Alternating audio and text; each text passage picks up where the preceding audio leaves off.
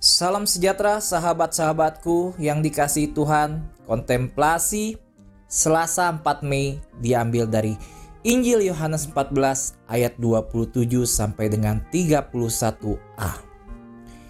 Yesus berkata kepada murid-muridnya, Damai sejahtera kutinggalkan bagimu.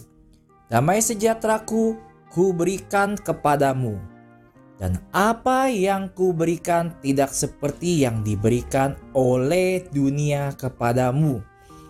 Janganlah gelisah dan gentar hatimu. Kamu mendengar aku berkata kepadamu, Aku pergi dan aku akan datang kepadamu.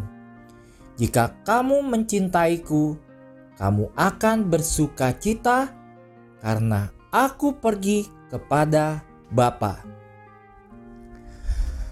Sahabatku, Yesus mempersiapkan para muridnya untuk kenaikannya. Yesus akan pergi ke surga, tetapi mereka tidak perlu takut.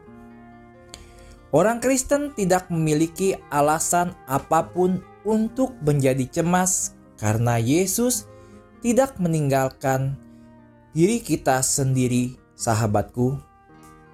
Roh Kudus yang bertanggung jawab sekarang untuk mendampingi kita. Ketika kita bekerja untuk Tuhan dan dengan Tuhan, tidak ada yang bisa menggoyahkan roh kita. Ada cerita, suatu hari seorang jurnalis bertanya kepada Santo Yohanes ke-23. Apakah dia bisa tidur nyenyak di malam hari setelah segala kekhawatiran dan kecemasan karena harus memimpin gereja? Dia menjelaskan bahwa dia memiliki masalah pada awalnya.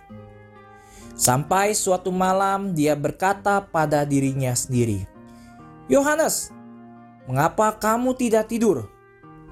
Apakah kamu atau Roh Kudus yang mengatur gereja? Bukankah itu Roh Kudus? Apa yang kau khawatirkan? Tidurlah, Yohanes. Sejak saat itu, Yohanes bisa tidur seperti batang kayu. Kedamaian adalah ciri khas umum dari semua orang suci, sahabatku. Ketika sahabat bersama mereka, sahabat akan merasakan rasa damai. Kedamaian mereka sendiri menginfeksi semua orang di sekitar mereka. Sahabat, kekhawatiran dan kecemasan kita harus dilihat dari perspektif. Ketika kita melihat setitik debu di kacamata kita, kita bisa saja melihatnya sebagai noda besar yang menghalangi penglihatan kita. Tapi kenyataannya itu hanya setitik kecil. Ibu, Bunda perdamaian membawa perdamaian ke dunia.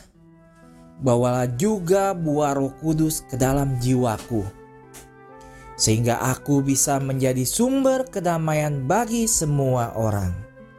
Bunda Maria, harapan kita dan tata kebijaksanaan, doakanlah kami.